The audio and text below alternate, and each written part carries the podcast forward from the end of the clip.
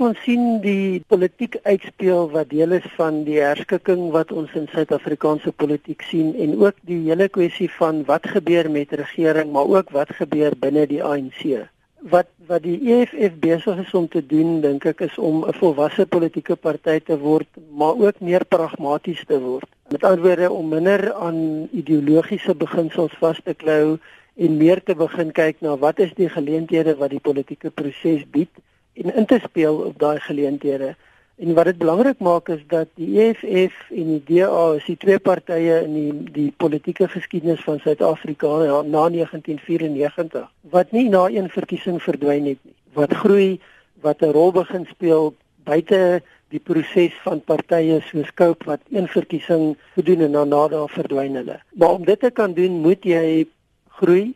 Jy moet 'n effektiewe rol begin speel En dit vereis 'n mate van pragmatisme. Jy kan nie net op ideologiese beginsels staat maak nie. En, en dit is wat die EFF begin doen. Maar wat sê hierdie, jy weet, hulle moontlike koalisie nou nadat hulle groot gewag gemaak het van die feit dat hulle uh, niks met die ANC te doen wil hê nie. Ehm um, eerstens die party is gevorm nie omdat hulle probleem gehad het met die ANC nie, maar dit lyk eerder of hulle probleem gehad het met uh, president Jacob Zuma. Ja, ek ek dink dit is inderdaad 'n uh, politiek van persoonlikhede wat uitspeel weer eens die pragmatisme van die met pragmatisme van die EFF om te sê jy gaan nooit weer niks met die ANC te doen te hê in Suid-Afrika as op die kort termyn waarskynlik nie baie sinvol nie want dit is 'n dominante politieke party. Totdat dit verander, is dit 'n realiteit wat alle politieke partye en alle politici mee moet rekening hou. Ek dink ook dat die EFF besef dat daar's baie mense binne die ANC wat nie noodwendig na die EFF toe sal oorgaan nie, maar wat met die EFF baie graag sal wil saamwerk.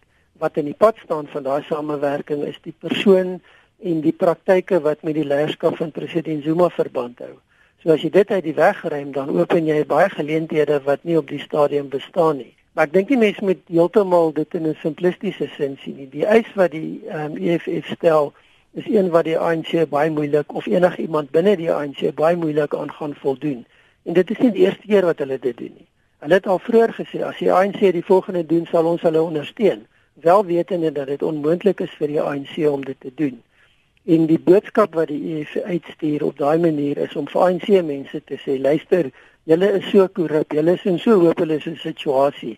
Daar gaan niks verander nie. So die opsie wat julle na moet begin kyk lê buite die ANC.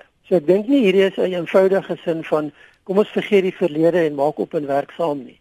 Die die EFF gaan 'n baie hoë prys plaas op die ANC om samewerking of ondersteuning te kan bied en gaan definitiewe baie spesifieke eise hê wat nog gaan bykomend kom tot dit wat nou gesê word. Die aanvaarding van van Cyril Ramaphosa dink ek is ook 'n voorbeeld van pragmatisme die EFF kyk ook maar na die situasie en sê waarskynlik wel dalk word hy die volgende leier van die ANC en dan het, dan het ons nie 'n keuse as om met hom saam te werk nie. Wat hoe gaan ons dit doen want in die verlede het hulle hom baie hard beveg en verwerp. Is om te sê hy moet iets doen wat hy terloops alreeds aangedui het hy gaan doen. Hy het hom bereidwillig verklaar om Marikana toe te gaan om die slagoffers van die Marikana slagte te ontmoet en met hulle in 'n gesprek te tree rondom wat gebeur het en en aan te dui wat sy gesindheid en sy standpunt daaroor is. So dit is nie 'n onmoontlike eis wat gestel word nie.